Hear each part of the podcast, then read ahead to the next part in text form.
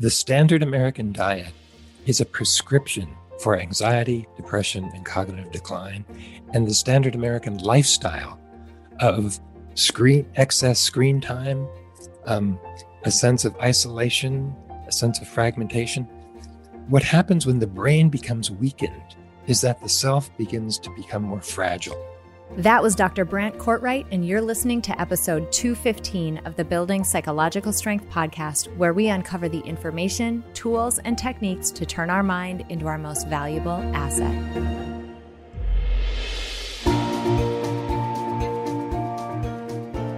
The courage to face fears with persistence. Being able to be present enough in this moment to choose my response thoughtfully. We have the strength to bend to life stressors, to bend to adversity without snapping, without breaking. There are only six things that contribute to our quality of life, and they are all experiences. In every moment, we are deciding who we want to be and how we want to live our lives. Noticing what your brain is doing and then being able to make choices mobilize the things that we know lift us up. Hey everyone, welcome back to the Building Psychological Strength podcast. My name is April and I'm your host. You know, one of my biggest goals for this podcast is to give you the information, tools, techniques that you need in order to become psychologically stronger and thus experience life in a more vibrant, alive way. Now, if you think about it, we have talked about that experience from a number of different perspectives on this podcast, but really things boil down to two. We've got the psychological side of the coin that deals with things that pertain to the mind. This is our mindset, this is the way that we think and the the relationship we have with our thoughts, our emotions, all of that stuff. But then there's the brain. The brain, meaning the physiological organ that resides in our body. And lots of times we talk about how the mind is what the brain does. So the brain is this organ, the mind is how we experience it, and this is the interrelationship among them. We also, in the field, talk about this false dichotomy between physical health and mental health. We talk about physical health in terms of things like exercise and our diet and our weight and things like that. We talk about mental health in terms of anxiety and depression and um, stress and resilience and the way, again, that we experience life. Now, that dichotomy is a fictitious one. And what if the decisions we make and on the physical side of our health that we typically don't think of as having a direct impact on the way in which we experience life or our psychology, what if there's a bigger linkage there than we all think? What if there's a direct linkage there? I was really excited when I got a message on my website from today's guest.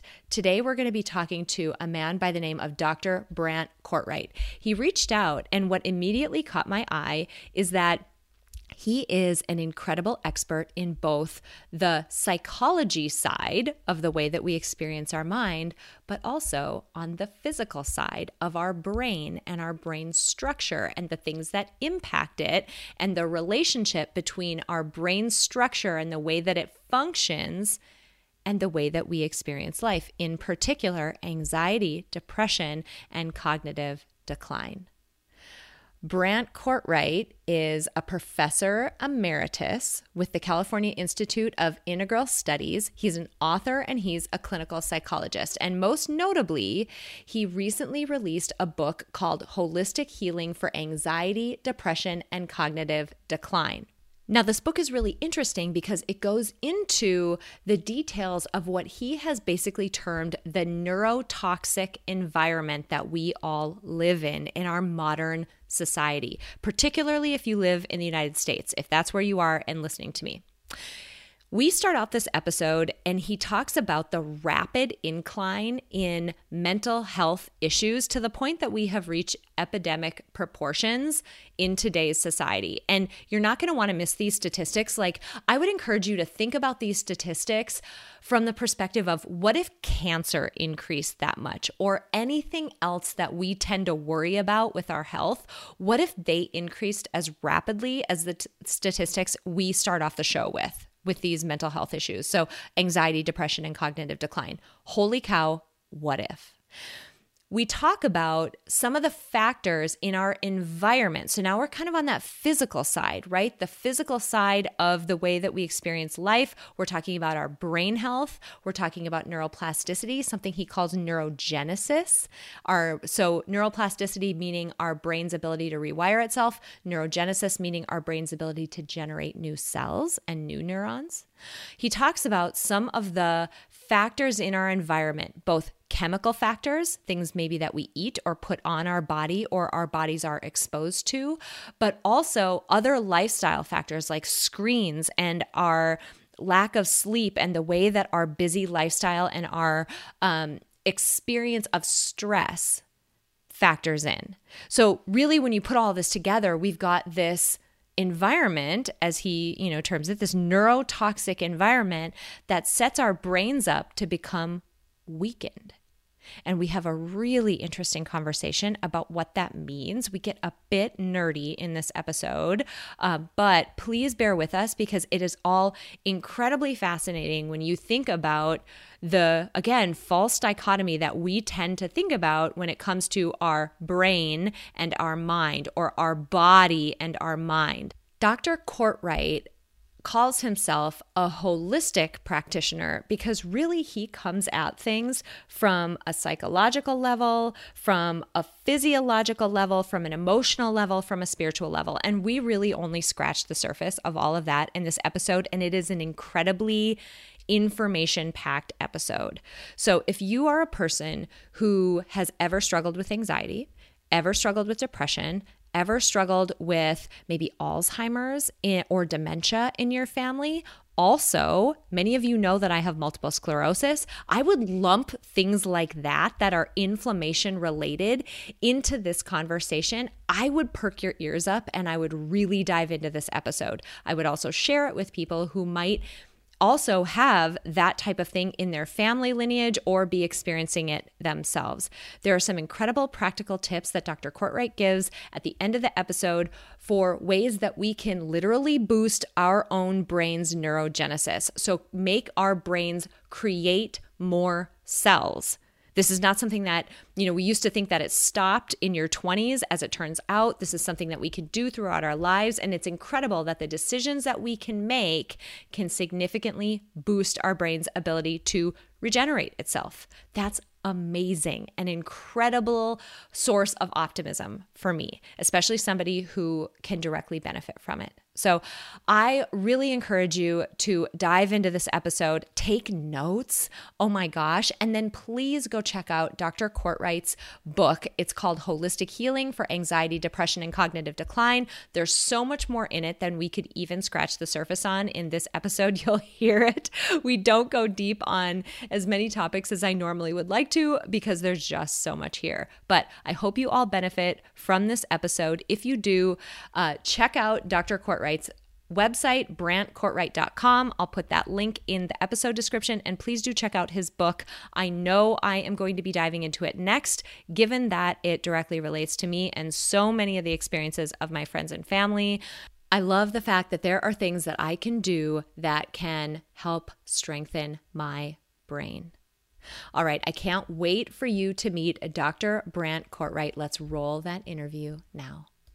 Brant, I'm so excited that you are with us for this episode of the podcast because we're going to be talking about a topic that is incredibly common, but from a standpoint that we don't typically hear about in a lot of um, you know overviews of anxiety and depression and cognitive decline. So I'm really excited that you're here because you've got an incredible expertise. So thanks for being with us. Oh, I'm happy to be here, April. Thanks for having me. So you have a deep a deep experience in the field of psychology and have also done some incredible writing. Can you give us a background on your just a, the highlights maybe of your professional career and talk a little bit about what you're focusing on these days? Sure. So I'm a clinical psychologist and I've been in private practice for a few decades. And I've also been teaching at the graduate level psychology for a couple of decades, few decades. Um, and I've been focusing mostly on the psychological side of things for most of that time. But about 10 years ago, I became more interested in the physical and brain side because we are psychophysical beings. And psychology emphasizes the psycho side, and medicine and psychiatry emphasizes the brain and physical side. And we are really both together. And so that has been my focus on really seeing how a lot of psychological issues really have their roots in in the brain and a, kind of weakened brain that is really endemic these days.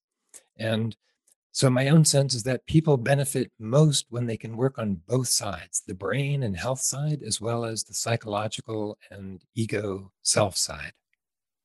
It makes sense. I mean, we we talk a lot about um, you know the the brain versus and people have a lot of different uh, terminology that they use, but the brain versus the mind, right? There's the brain, and the mind mm-hmm. is what the brain does, or uh, the the way that we experience things as a human being versus the underlying hardware that is um, maybe causing that experience. And I love the holistic approach that you take because to your point, I mean, psychology really focuses more on that psychological side of things, which is valuable, mm-hmm. but it creates this false dichotomy between our physical health and our psychological or mental health and it it clouds over the interrelationship between those two things that I think is so incredibly important for people to understand.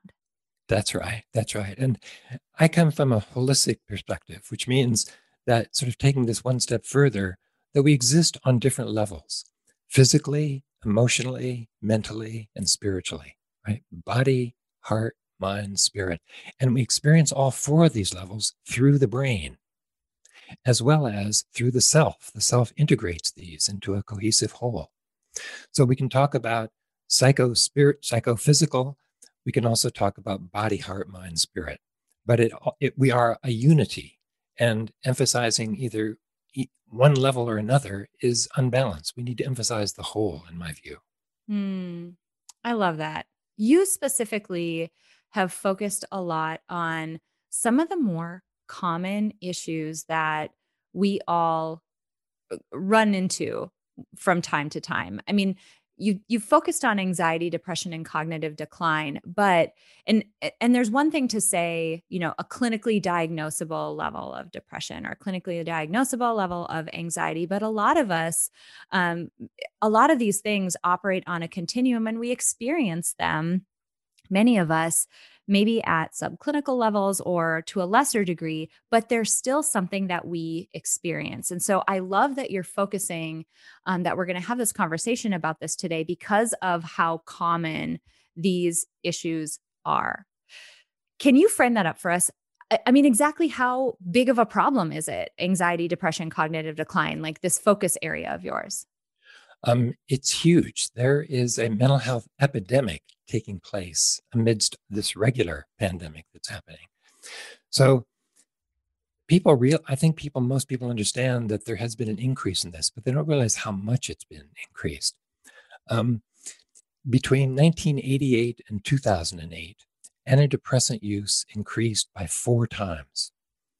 Um, anti-anxiety medication went up beyond that.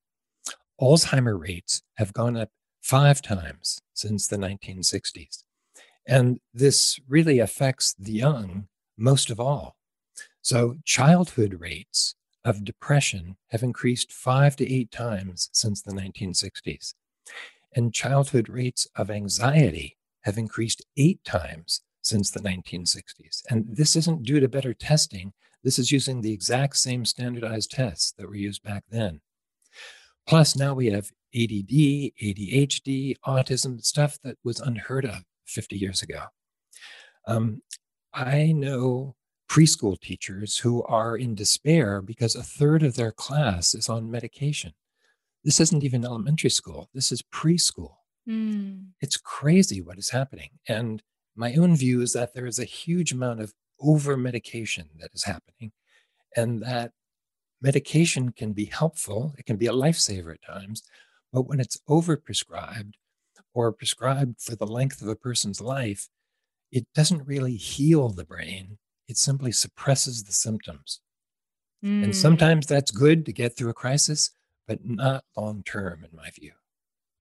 You've mentioned some pretty shocking statistics. That is an incredible increase. And I think a lot of us have heard in the context, the the more microcosm context of the pandemic right now that there is this epidemic of mental health needs. People have experienced more depression, more anxiety now that we've been social distancing and we've been taken away from some of the things in our lives that we're used to, the more dynamic aspects of it. There's a lot of stressors that are added.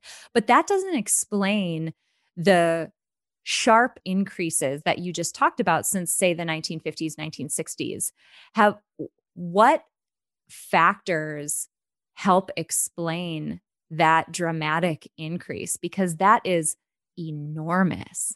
Yeah, it is. So, um, different factors have been talked about, but my own view is that it's many different things physical as well as emotional, mental, spiritual.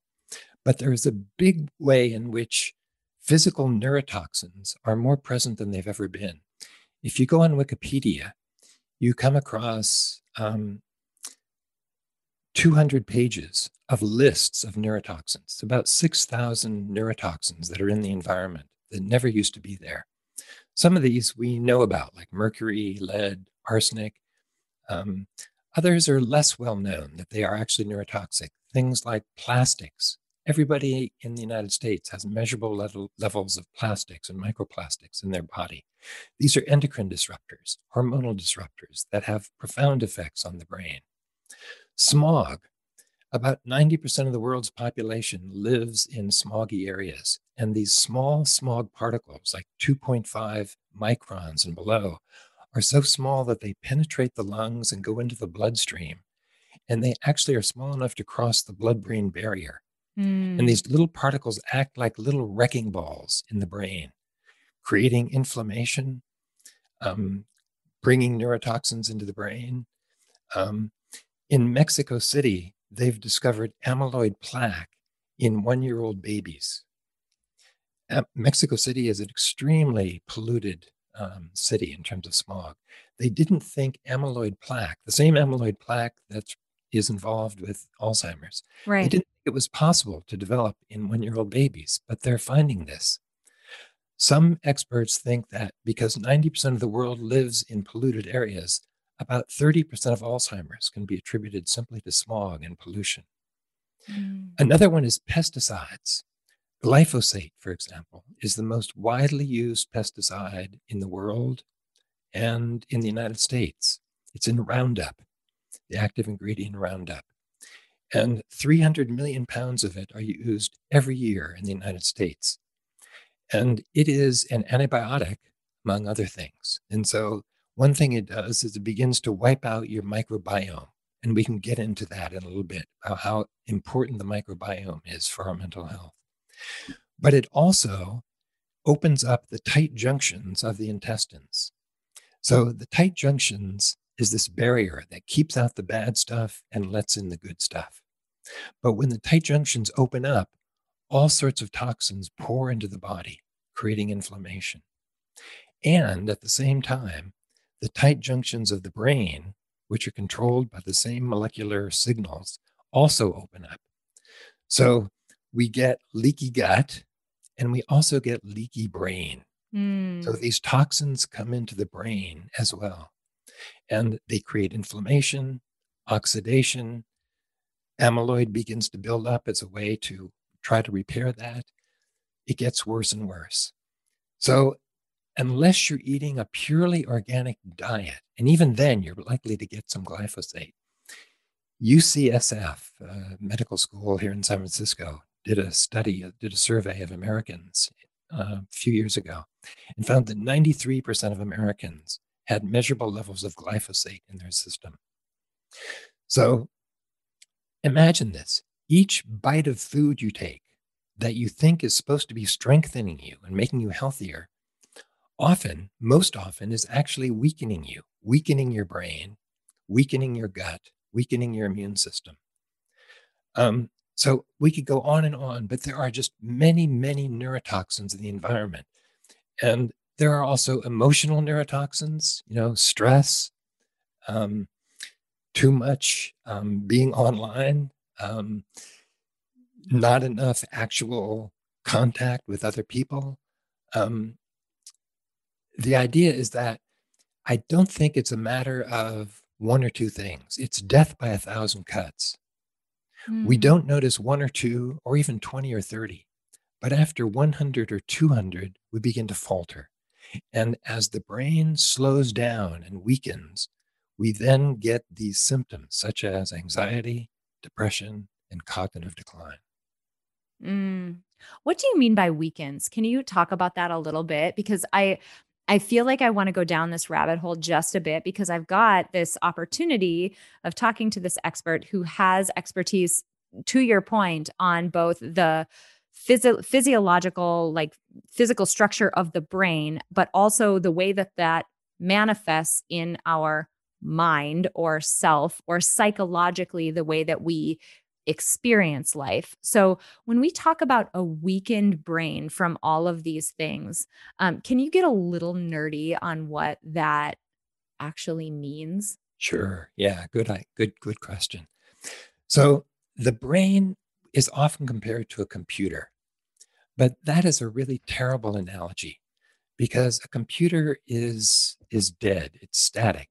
The compu- the brain is not this com- this static computer chip. It's a living, growing, moving, like almost like an organism. It's almost like a giant amoeba. It is always making new connections among itself called neuroplasticity, and it's always growing new neurons called neurogenesis. And we've known about neuroplasticity for a long time, for several decades now, but it's only in the past 10 or 15 years that neurogenesis has come into view. It used to be thought that the brain stopped growing in our early 20s, and then it was just one slow die off. But then they found out that actually the brain makes new brain cells throughout the entire lifespan until we die. And it turns out that our neurogenic rate, that is the rate at which the brain is making new connections and new neurons, is the most important biomarker for brain health that most people have never heard of. Mm they didn't experiment with mice, and they've done it with monkeys and horses and dogs and many animals at this point, where they lowered the rate of the neurogenic rate and then they increased the neurogenic rate. And it turns out you can increase the neurogenic rate by about five times, probably even more by this point.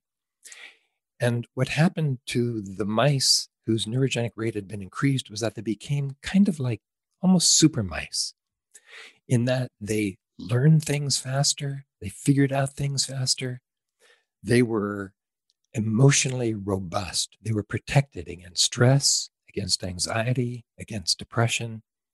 They had psychological strength. Um, and it turns out that this is also involved with human beings. Human beings have the same neural structures as all other animals, all the other mammals, excuse me. Um, but different size of our um, different subsystems. And when we have a, a brain that is living, growing, moving, that has really hit its neurogenic stride, we feel good. It feels good just to be alive. There's an intrinsic sense of vitality and excitement just on waking up. So when we don't have that, when the brain begins to get sluggish, when it begins, when this neurogenic rate begins to slow down, that's when we feel brain fog, cognitive decline, stress, and anxiety and depression. And I, I think that this is so pervasive now. It's, I've called it weak, weakened brain syndrome. Mm. But I think it's pretty much endemic. It, it's it's so common these days because it's so difficult to avoid this neurotoxic minefield of daily life. And you're talking about it's it's interesting because when I hear you talk about all of those and and we'll say broadly neurotoxins, um, you're talking about chemically, right? Things that are in our food that we might ingest, probably also chemically, things that come into contact with our body, like smog, or maybe things that are in personal care products or other things like that. But also mm. some lifestyle factors like uh, maybe our experience with uh, screens and technology or social media, our lack of experience with other people. It's really a shift in our in every aspect of our lifestyle sort of in the wrong direction that leads us into this place where our modern lifestyle is just not healthy for us. That's exactly right. That the standard American diet is a prescription for anxiety, depression, and cognitive decline.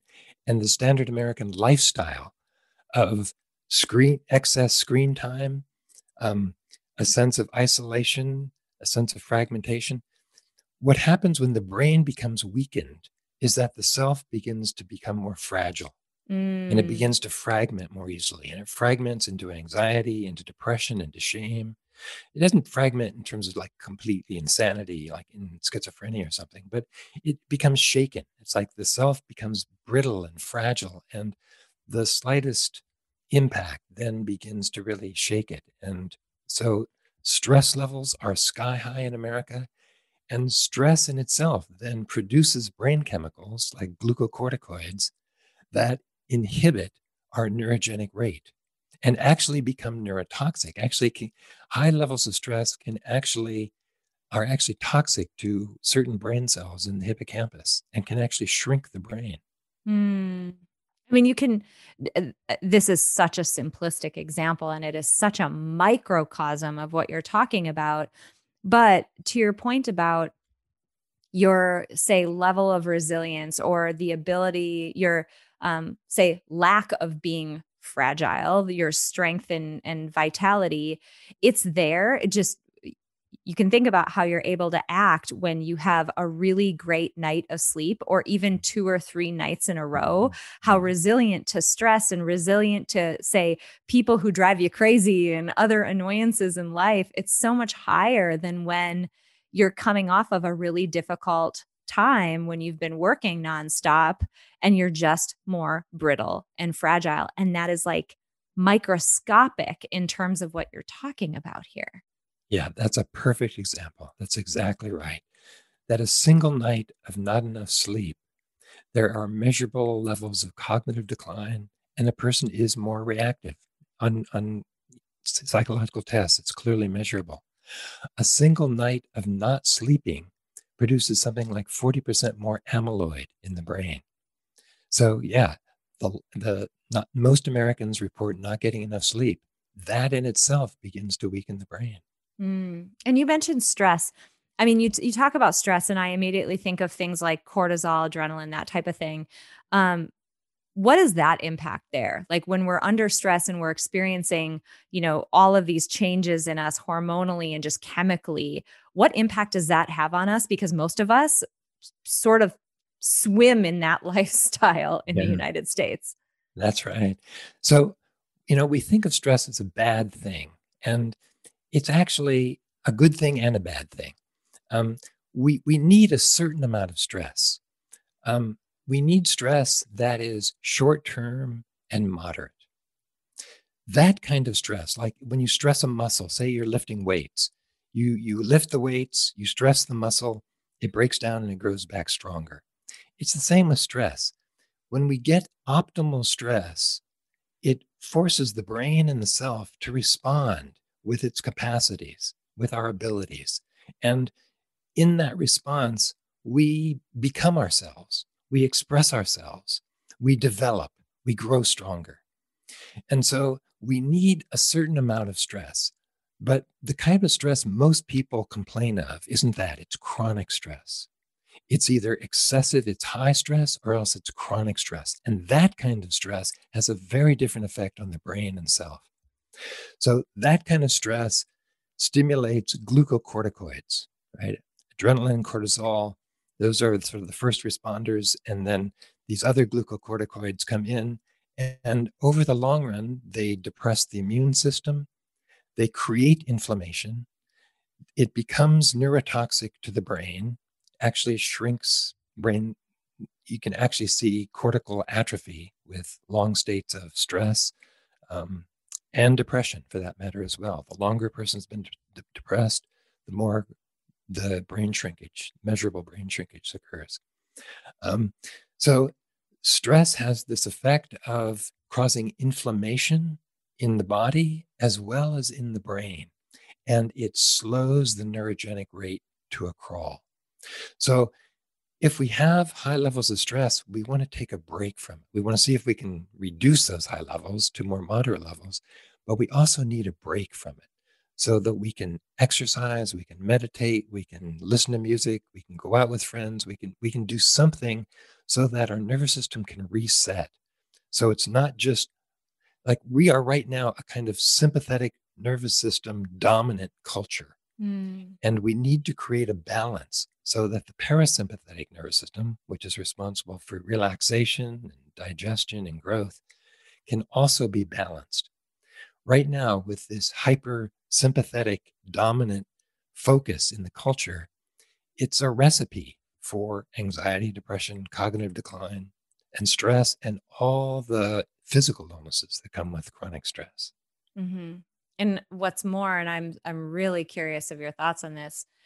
You know, we're wonderful beings, right? We can adapt to nearly anything, sort of. But what mm-hmm. happens with that adaptation, and we talk about this a lot on the podcast, is we can, and by this I mean we can become familiar with, we can adapt to, we can get used to almost anything. We get used to feeling this sense of urgency. We get mm. used to rushing mm. around. We get used to a jam packed, I call it time confetti schedule. We get used to having so many plates spinning at the same time that when we make some of the changes that I'm hoping we can talk to talk about in this next segment, like when we make some changes to slow down, to allow ourselves to rest, simply for the ta- sake of needing it and taking a rest, not because we've earned it, not because we can justify it, simply because it's a need that we as human animals have. Um, psychologically, we feel like we're doing something wrong. Like we're so accustomed to being so in such a hurry, and everyone else is around us that we feel like we're doing something wrong if we aren't. Yeah, that's exactly right. And also, we become almost kind of addicted to that sense of stress aliveness mm. as opposed to a genuine, real vitality. And that stress aliveness, that glucocorticoid, cortisol, adrenaline fueled aliveness is a kind of, um, again, it, it's a stress response. And so, although it's kind of addicting in a certain way, when we then come down from it, before our nervous system fully adapts, we kind of feel, well, this is boring. You know, why am I just doing nothing here? Mm. But if we mm. do that long enough, then we begin to feel real vitality, a genuine sense of excitement um, and energy around life, which is different than that kind of stress, caffeinated energy. Yeah. You've mentioned I'm I'm going to tie a couple of things together now. You've mentioned this neurotoxic environment that we all live in, this modern environment. You've talked about the detrimental effects that it has, you know, most notably anxiety, depression, cognitive decline, other things like that.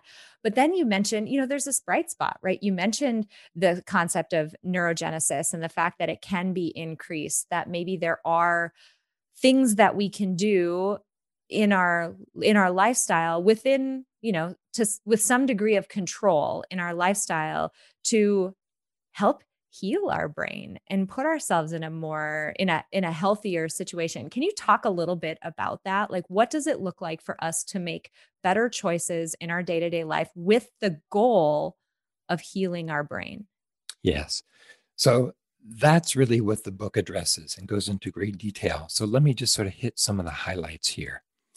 So, one of the biggest things we can do to heal and strengthen the brain is to adopt what I'm calling in the book a healthy brain diet. And there are four pillars to the healthy brain diet it is neurogenic, ketogenic, anti inflammatory, and gut friendly. So, first of all, neurogenic. Neurogenic means that there are certain nutrients that dramatically increase our neurogenic rate, that increase the rate of neuroplasticity and neurogenesis. Um, omega 3 fatty acids, for example. Um, Christine Thuret, a uh, neuroscientist at the University of London, increased the rate of neurogenesis by 40% simply by adding omega 3s to the diet. Um, the brain is made up of about 60% fat. And of that, about a third to a half of it is composed of DHA. And DHA is one of the components of omega 3 fatty acids. Mm. This we're talking about fish oil here. So it's good to have a one to one ratio of EPA to DHA in your omega 3 supplement. Most people need three or four grams a day. This has an anti inflammatory effect, but also provides the basic building block for the brain. Remember, the brain is always under construction, right? It's always being, it's always growing, moving, moving, living. And if we're going to build a healthy brain, we need good raw materials. And that means a lot of DHA. We also need other stimulants, other things to stimulate the neurogenic process and to increase BDNF, which is brain derived neurotrophic factor and is sort of like the fertilizer for the brain. So the book goes into about 30 or 40 different nutrients, things like hesperidin, luteolin, apigenin, um, curcumin. There are a number of things that are helpful that will dramatically increase the rate at which the brain is making new connections and new brain cells.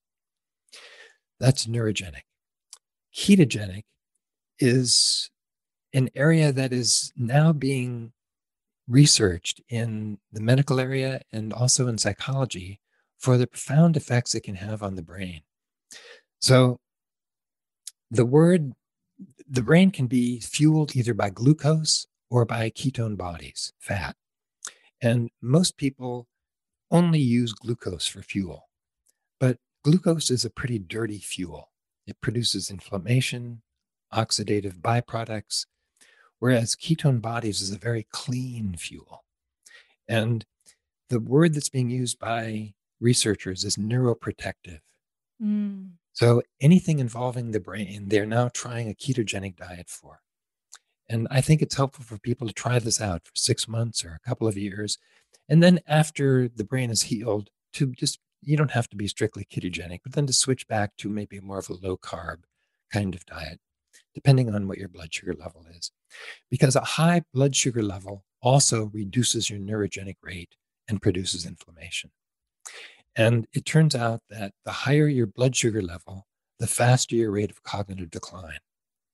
So, a good blood test for everybody to get at their yearly physical is called the hemoglobin A1C mm-hmm. which is mm-hmm. like a snapshot of your blood sugar over the last three months. And if your hemoglobin A1C is over 5.2 or so, you would be well advised to bring it down by reducing carbohydrates and sugar in your diet. A high sugar diet will cut your neurogenic rate in half. Mm. You know, the standard American diet is a recipe for Alzheimer's and for these other disorders. Then anti inflammatory. All of these, anxiety, depression, and cognitive decline, all of these involve inflammation in the body and in the brain. And so we can eat an anti inflammatory diet. And there are also a number of nutrients that we can take that decrease inflammation in the body. Things like black cumin seed oil, borage oil, curcumin, green tea extract, um, again, the book goes into a number of these, but eating a mostly vegetable diet where we get most of our calories from good, healthy fats, um, and where we avoid the neurotoxic bad fats. Unhealthy fats, meaning fats that are high in omega 6s, which are pro inflammatory.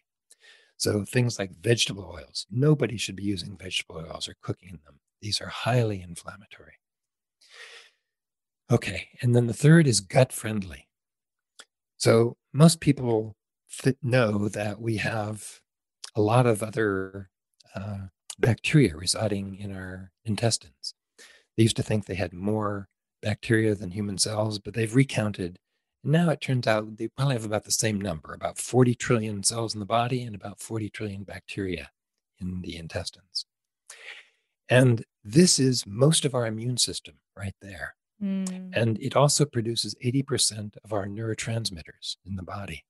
It's being what? Called, I don't yes. think I knew that. Yeah, yeah. Most of the serotonin, most of the dopamine, most of the neurotransmitters are produced by the microbiome in the intestines. And so in indigenous societies, they've got about 20,000 different strains of bacteria. But in the West, where we've been using antibiotics forever, most people have about 10,000 strains, or sometimes as low as 1,000 strains, mm. which is bad news for anybody's immune system and for your mood as well. What we want to do is we want to increase the microbial diversity, right? Any ecological system that has small diversity is much more open to uh, havoc, much more open to disaster. Sure. The more diverse an ecological system is, the more robust it is, the healthier it is. And so we want to increase microbial diversity. We also want to increase certain kinds of bacteria. So they did an experiment where they took two groups of mice. One was genetically bred to be fearless and very exploratory, and the other was genetically bred to be anxious and scared. And they transposed the microbiome into each. And then they looked at them. So the fearless mice, who then got the microbiome of the anxious mice, became anxious. Really? And the anxious, the anxiously bred mice who got the fearless mice's microbiome became fearless explorers.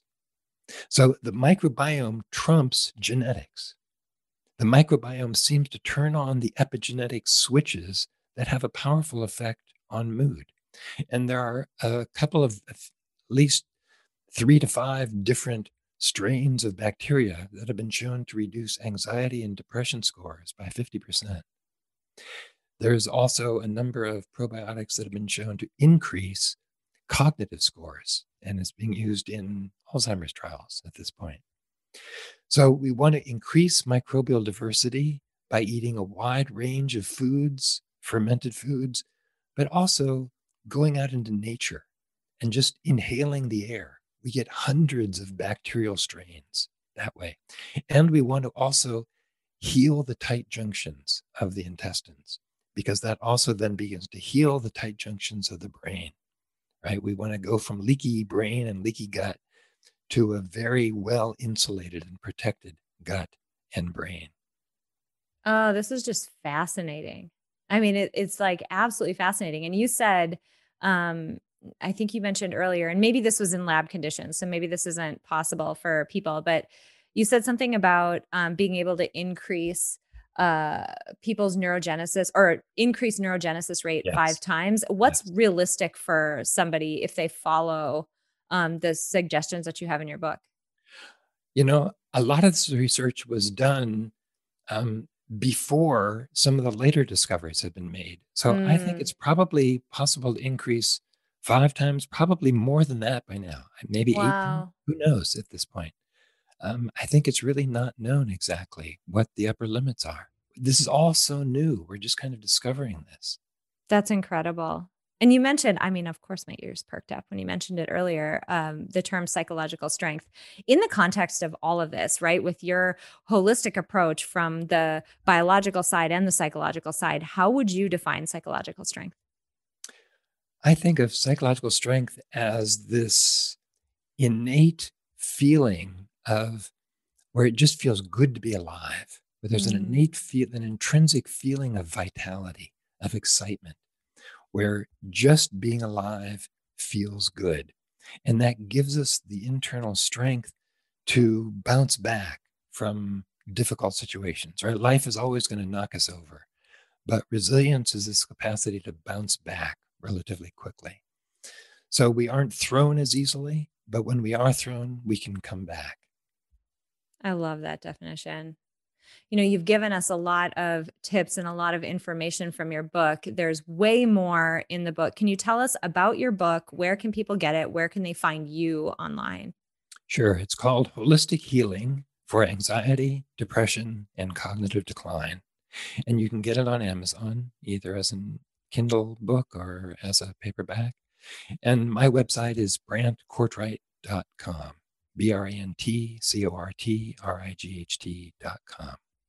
Incredible. This has been so fascinating. And there are times when I, I speak to somebody where we're talking about a topic from a perspective that we just haven't covered on the podcast yet. And so I know we want to give a good overview. We want to hit end to end. We want to do the really good introductory episode. But I know there will be a follow up episode to this because there were so many rabbit holes that I was trying to avoid going down because I knew we wanted to get a good end to end uh, coverage of this topic. So just know that there will be an invite coming for a follow up episode because this has just been fantastic to have you on.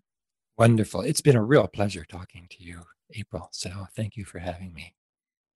It's a simple fact that nearly everyone in the world could benefit from building psychological strength, but not everyone will put in the time and effort to do so. But today you did.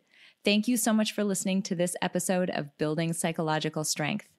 Now, if you're interested in building the mental toughness, confidence, and resilience you need to thrive through life's ups and downs, visit us at www.peakmindpsychology.com. Also, if there's someone in your life who could benefit from this episode, please share it with them.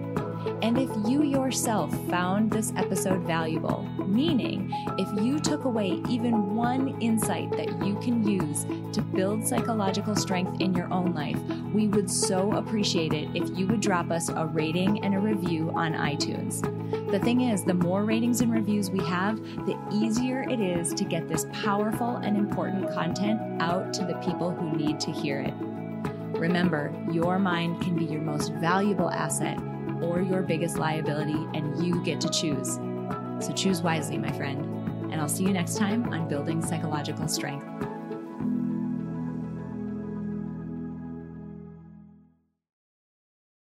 At Parker, our purpose is simple. We want to make the world a better place by working more efficiently, by using more sustainable practices, by developing better technologies. We keep moving forward. With each new idea, innovation, and partnership, we're one step closer to fulfilling our purpose every single day. To find out more, visit parker.com/purpose. Parker, engineering your success. As humans, we're naturally driven by the search for better. But when it comes to hiring, the best way to search for a candidate isn't to search at all. Don't search, match with Indeed. When I was looking to hire someone, it was so slow and overwhelming.